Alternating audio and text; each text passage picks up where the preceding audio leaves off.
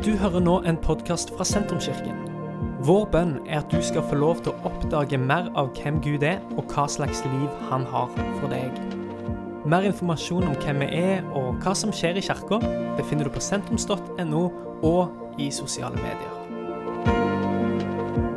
Vi er Denne måneden her så har vi begynt en serie som handler om fellesskap. Om å være sammen. Eh, med bakgrunnen i at nå etter korona så ønsker vi som kirke å ta fellesskapet tilbake. Og Det er noe jeg tror vi trenger å gjøre i hele samfunnet. For vi har blitt vant til å være for oss sjøl, og en har kanskje blitt litt asosiale i løpet av det siste halvannet året. Kanskje er det flere som har utvikla litt mild sosial angst. Eh, så her eh, trenger en å sette fokus på fellesskapet, for fellesskapet er viktig. Vi ser òg at slagsiden av å miste fellesskapet det, det handler både om, om, om, vår mentale helse eh, og det å ta vare på hverandre.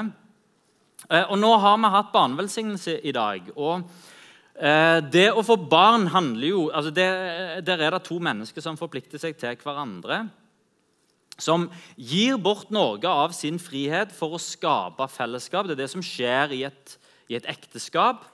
Uh, enn på en måte Ekteskap pleier jeg å si vielser. Det er ikke 50-50-greia. Der det er liksom 50% fra meg og 50% fra deg, og så ser vi hvordan dette går. Men det er en 100% 100% Jeg gir meg sjøl til deg. Uh, og så får en det i retur òg. Og når ekteskap er en sånn 100% 100% så, så ja, men da, da, da, da er en på en måte solgt uh, inn i det. Eh, og en gir eh, noe av sin frihet. Og så eh, Og det merker en jo når en gifter seg, at en, en, på en måte har litt mindre En har ikke mindre tid, men en har kanskje litt mindre tid som en bestemmer 100 over sjøl. Og så gir en bort enda mer av sin frihet og får et barn.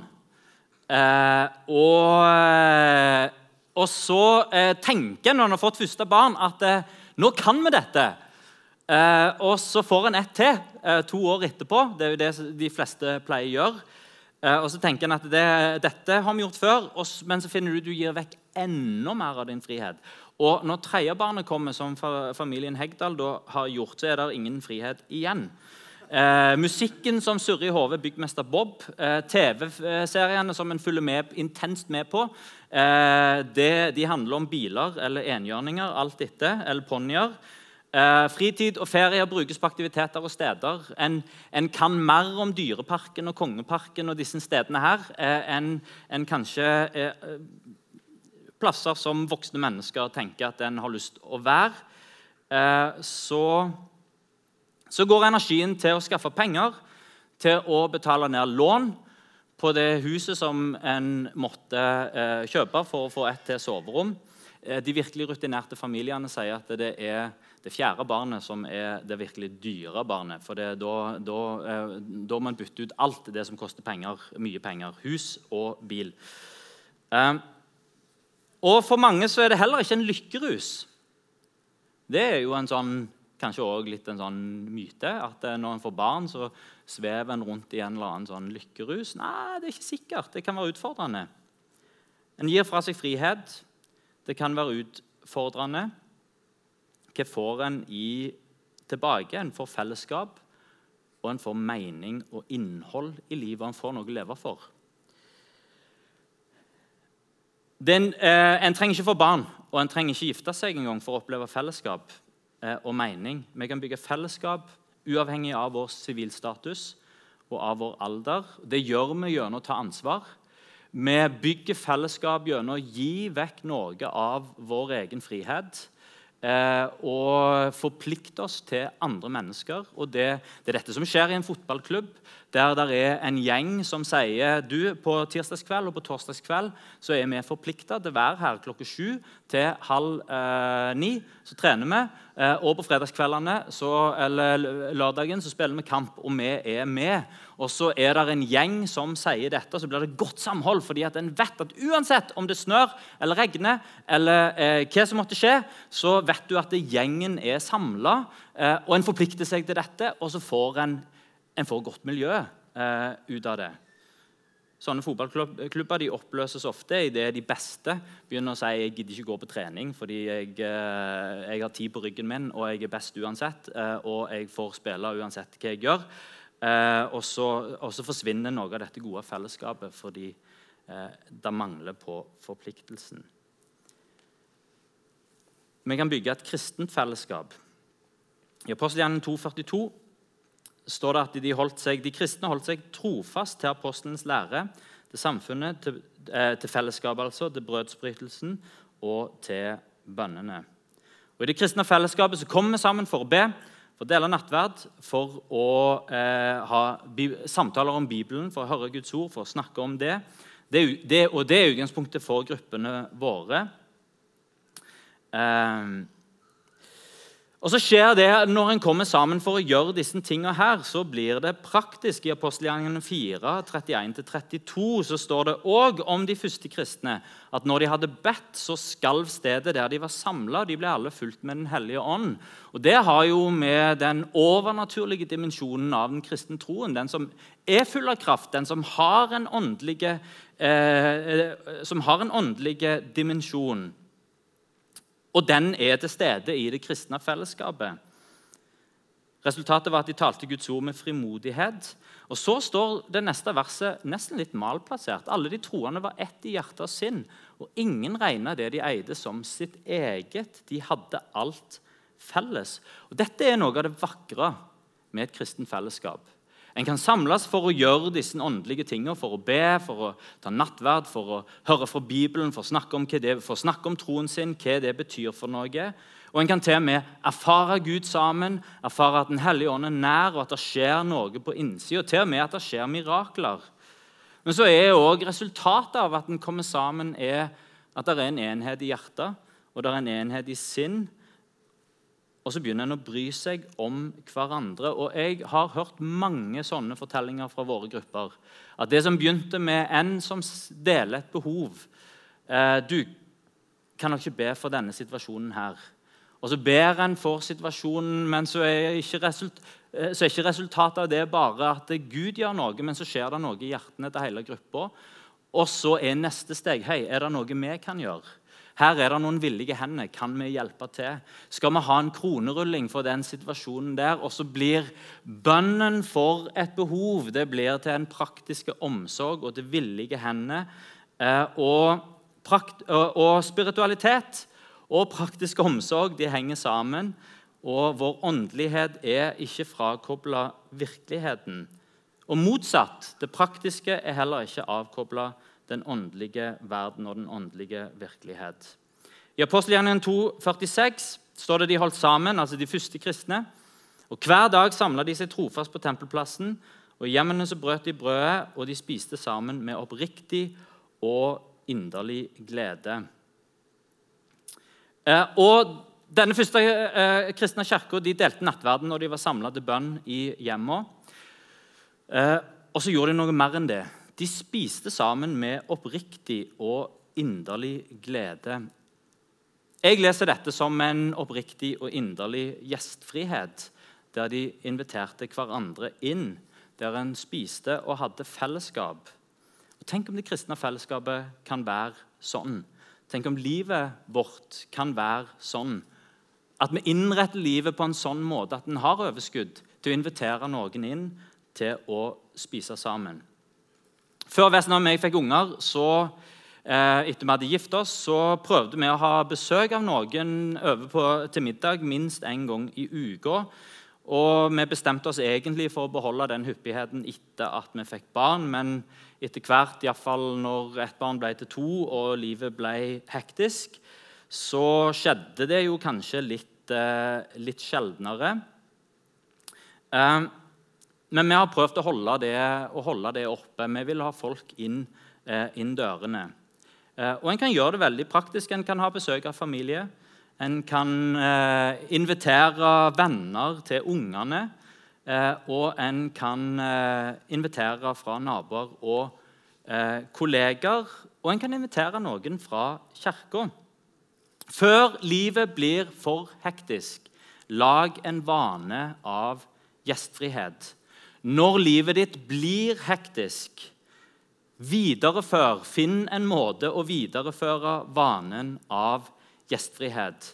For i gjestfriheten så ligger der et mirakel. Det praktiske som vi gjør, i det praktiske som vi gjør, så er det òg noe åndelig som Gud gjør. For 14 år siden, eh, ganske eh, Litt mer enn 14 år siden er det kanskje òg, så hadde Vestland meg besøk av en, eller Kirka hadde besøk av en predikant. Og vi, Etter at han hadde vært og talt, så hadde vi han hjemme hos oss. Eh, og vi serverte han det beste vi hadde vafler. Eh, og dette var da før vi hadde fått eh, barn. Vi hadde bestemt oss for at vi ville ha barn, og vi hadde på en måte gått i gang med det. Og det hadde gått litt tid uten at noe skjedde. Vi visste hvordan det fungerte, så det var ikke det som var problemet. Eh, men eh, det skjedde ikke noe, så vi begynte nesten å bli bekymra. Eh, skal vi gjøre noe med dette? Skal vi se om det er et problem her? Så hadde vi denne predikanten på besøk, som vi serverte det beste vi hadde. Vafler, brunost og sikkert hjemmelagt syltetøy. Det husker jeg ikke. Men det var iallfall vafler og brunost. Vi snakket om løst og fast. Vi snakket ikke om barn. Plutselig så spurte han oss kan jeg få be for dere. Og så ba han, om at vi skulle få barn. Jeg syns det var kanskje vel i overkant eh, frimodig. Det kan jo hende vi ikke hadde lyst på. Eh, og mens han ba om at vi skulle få barn, så fikk han et ord. Tror dere skal få ei datter. Kanskje òg flere. Og så hadde han et vakkert, oppmuntrende ord til oss mens han ba til dattera vår. Et ord som vi har gjemt i våre hjerter, eh, og som vi den siste tida har begynt å se oppfyllelsen av 14 år etterpå. Eh, det, for oss var det middags, Det var ikke middagsbesøk, det var vaffelbesøket. Eh, det var noe mer enn bare et besøk. Det ble noe vakkert. Det var nesten Det var ikke som å ha besøk av Gud, men det var noen ting av Gud i det besøket. Eh, og vi opplevde det nesten som ikke som et løfte om å få barn, men det var, det var noen ting som skjedde. Det var tro i hjertet på at dette skal få lov til å bety noe, ikke bare for oss, men kanskje òg for andre. Nå eh, må jeg si det, Sånne ord som dette skal gis med varsomhet, og de skal også tas imot med varsomhet. Ingen har rett til å dirigere noen ting som helst med sine ord over andre. og Det som andre sier til deg, skal ikke være retningsgivende for det som du bestemmer deg for. Det må treffe noe som fins her inne allerede. og Hvis de ikke gjør det, så legger en vekk sånne ord. Viktig å, å, å si. Men samtidig så er det der er et mirakel i eh, gjestfriheten. For oss var det litt som å ha englebesøk. Og For de som har fulgt, eh, som har fulgt bibelleseplanen denne uka eh, Det er en enkel bibelleseplan som har noen vers hver dag med et spørsmål til. Eh, og flere av, eh, eh, flere av, tekstene denne uka handler om gjestfrihet. Og et, en av tekstene er fra Hebreane 13, 1-2. Der står dette. Hold søskenkjærligheten levende, og glem ikke å være gjestfrie. For på den, har, for, for, den, for på den måten har noen hatt engler som gjester uten å vite det. Kanskje tenker du at det er en litt rar tekst, og jeg er helt enig med deg. Eh, før du legger for mye inn i teksten, så, eh, så eh, La meg bare si dette. I motsetning til hva mange tror, så er ikke Bibelen full av englehistorier. Det er noen få steder hvor en finner historier om engler. De, de, de, de er, ikke veldig mange, men de fins der. Eh, og eh, Englebesøkene er knytta til noe spektakulært som Gud gjør. Det er et sendebud ifra Gud. Men så skal vi vite om ordet engel. Eh, det greske ordet som er oversatt med engel, angelos, det betyr ikke engel som i engel med hvite klær og vinger og glorie.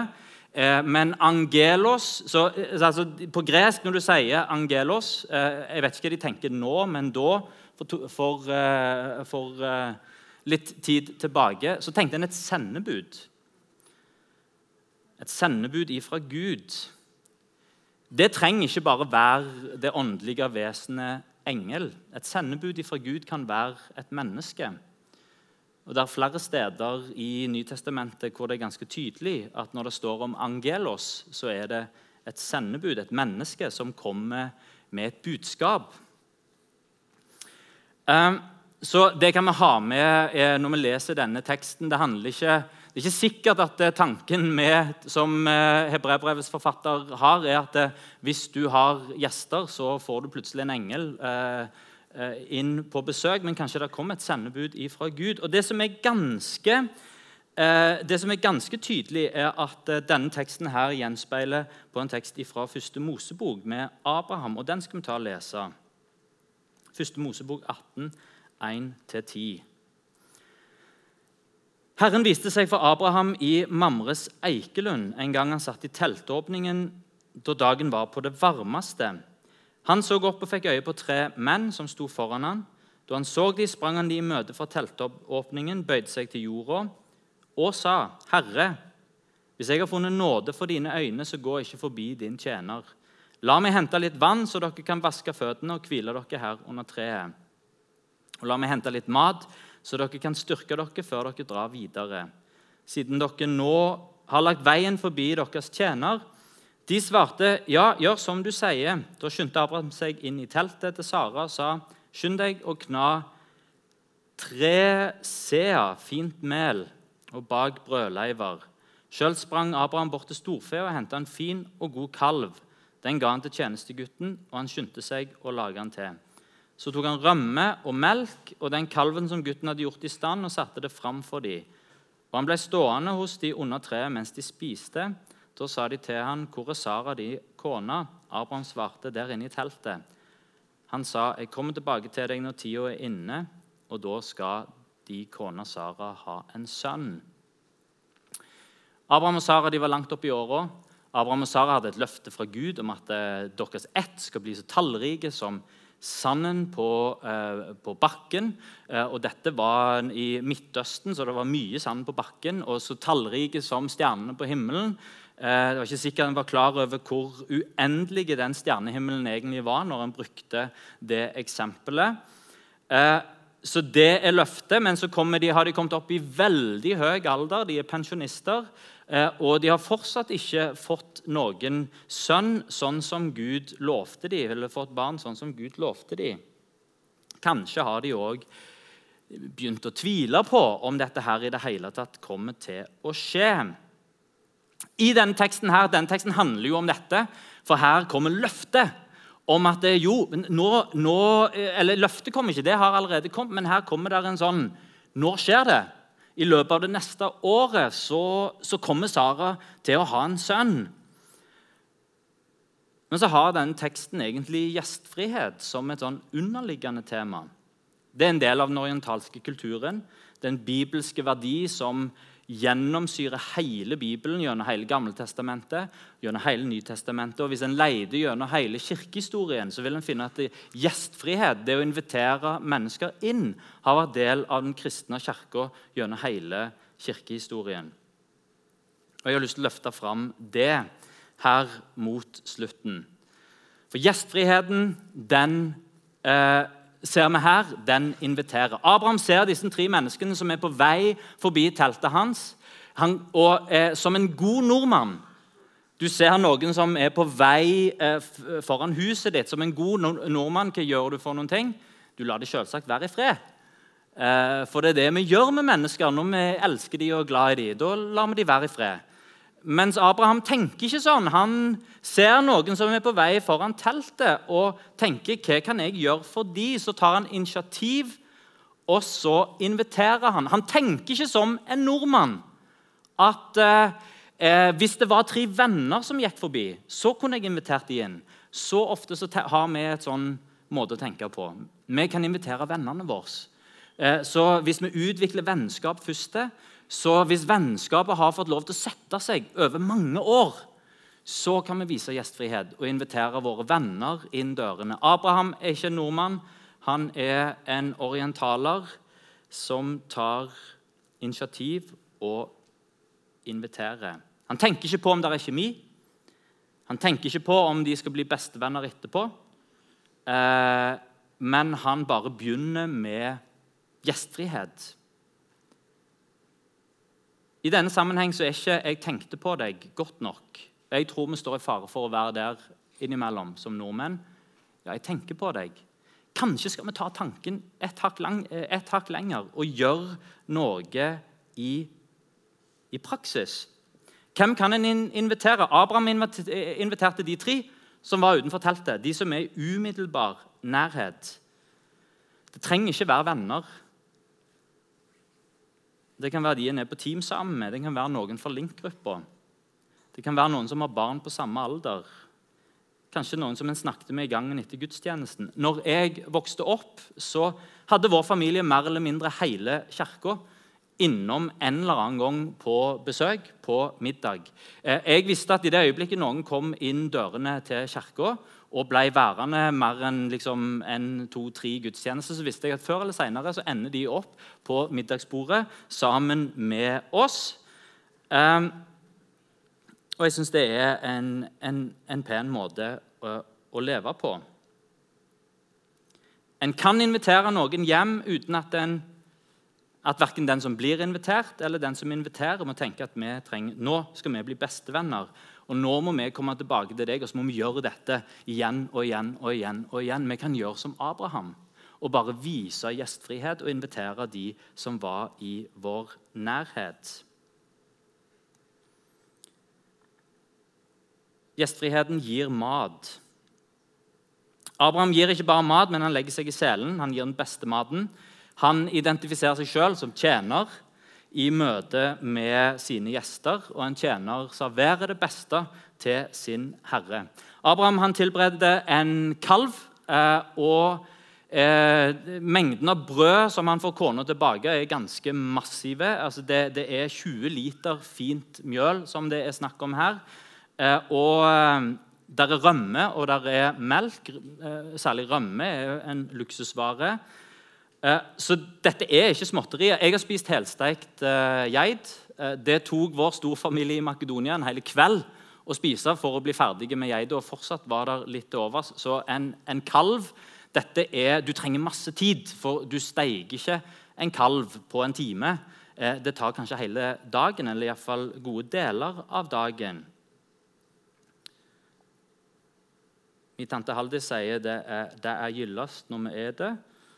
Og jeg elsker det sitatet. Det dukker opp i vår familie eh, igjen og igjen og igjen. Iallfall alltid eh, rundt jul. Eh, fordi det er noe fint rundt det å samles til måltid. Undersøkelser sier det at de som spiser sammen som familie Åtte av ti familier gjør det i Norge. Eh, de får i seg færre kalorier og sunnere mat de får gladere barn eh, med mindre depresjoner, mindre selvmordstanker, mindre spiseforstyrrelser og senere sexdebut. Eh, en minsker rusproblemer, fremmer gode karakterer for ungene, og det motvirker stress. Så herved er det gitt start å spise regelmessig eh, eh, eh, middag sammen. Så er det masse positive effekter. Eh, jeg gikk på en handlerunde på Rema for eh, flere år siden og spurte en av de ansatte et uh, spørsmål om pris. Uh, og Så svarte hun meg på prisspørsmålet og så sa hun etterpå du må begynne å lage meny. Så må du sette meny for hele uka, så må du gjøre storinnkjøp på torsdag. da er de beste tilbudene. Og så sa, hun etterpå jeg begynte å gjøre det sjøl når ungene var i ferd med å gå fra, fra barneskole til ungdomsskole. Vi sparte penger. Det redda ekteskapet vårt. Det redda forholdet vårt til, mitt til tenåringene. Gjør det, så kommer det til å bli sånn for deg òg. Jeg gikk fra Rema den dagen der med noe mer å tenke på enn bare priser på gulrøtter. Fordi det å spise sammen det skaper sunnhet, eh, og det bringer oss sammen. Og så tror jeg det skaper sunnhet i kirkefamilien òg. Gjestfrihet som åpner opp hjemmet sitt, ikke bare for sin egen familie, men for de fra kirkefamilien. Og Helt avslutningsvis, og da kan bandet eh, komme og gjøre seg klar I gjestfriheten så ligger òg mirakelet. Eh, og Vi tok imot denne predikanten, serverte vafler, som jo var selvsagt, det var vår kalv. Og vi fikk et ord som vi opplevde var fra Gud, og vår opplevelse var at dette var som å ha englebesøk. Det var som at Gud sjøl var innom oss. Og det var den utilsikta effekten av gjestfrihet.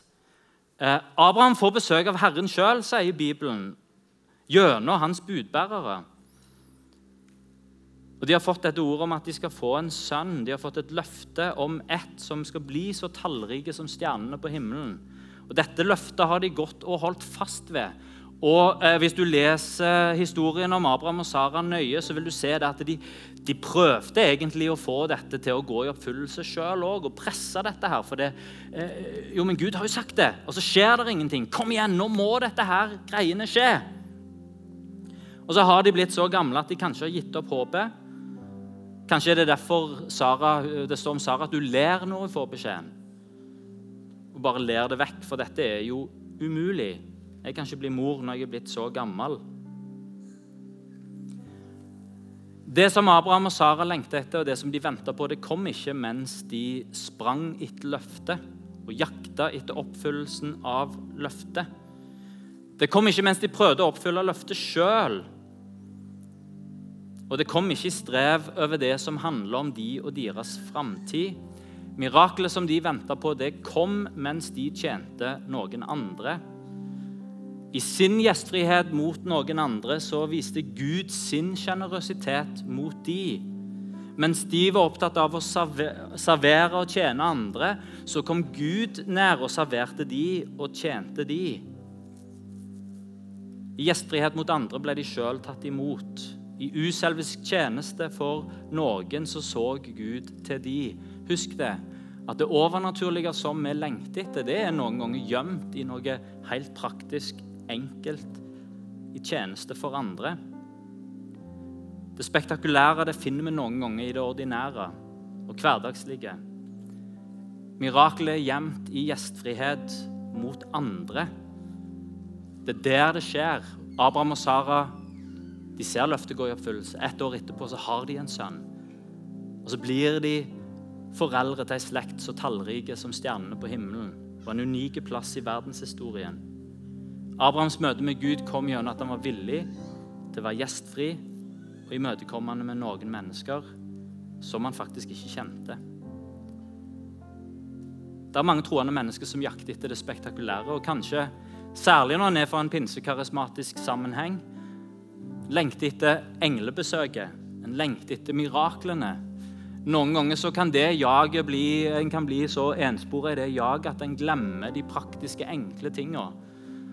Og så viser denne fortellingen her, akkurat som Hebreabrevet sier, at ikke glem å være gjestfri. For i gjestfriheten så har noen av dere hatt besøk av engler. Og så viser det tilbake på denne historien med Abraham som for et øyeblikk legger til sides løftet som Gud har gitt til han, og tjener disse tre tilfeldige vandrende som kommer forbi teltet hans. Og i tjeneste for dem så opplever han sitt mirakel. Inviter inn. Si 'kom og spis med oss'. Lengter du etter et møte med Gud, vær gjestfri. Inviter noen hjem. Server det beste du har. Ikke gå og vent på det spektakulære, det mirakuløse og det overnaturlige. Åpne opp kjøleskapet, åpne opp døra og åpne opp livet. Sammen kan vi bygge fellesskap gjennom gjestfrihet. Kan vi ta oss og reise oss?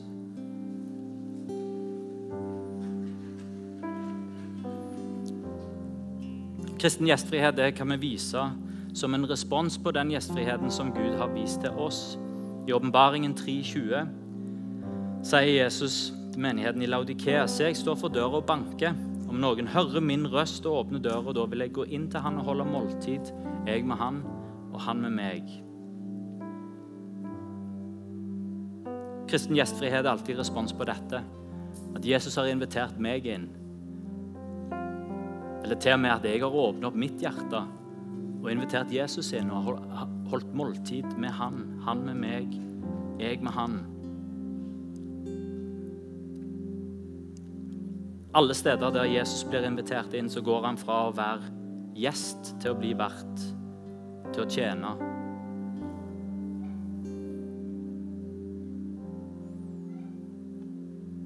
Kan vise gjestfrihet fordi han har vist gjestfrihet mot oss. Kan vi be sammen. Takk, Herre Jesus, for at uh, du tar imot oss sånn som vi er, Herre. Takk at vi kan komme til deg.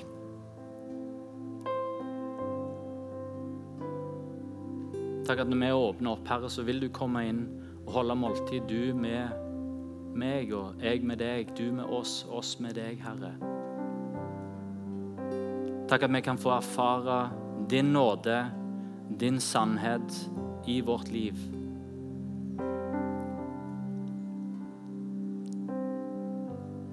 Herre, jeg ber om at du hjelper oss til å vise nåde, Herre, og tjene mennesker rundt oss, Herre. Kunne vise gjestfrihet, kunne invitere inn i hverdagen og invitere inn til hjemmet. Og gjøre som som Abraham, invitere, by på det beste. Herre, jeg ber om at du ser til hver enkelt en av oss. Og jeg ber om at vi skal finne mirakel, Herre, i enkel tjeneste for andre. I Jesu navn, la oss lovsynge sammen. Dette er slutten på denne podkastepisoden. Har du spørsmål om Jesus, om tro, om livet? Så er du hjertelig velkommen til å ta kontakt med oss via sentrums.no.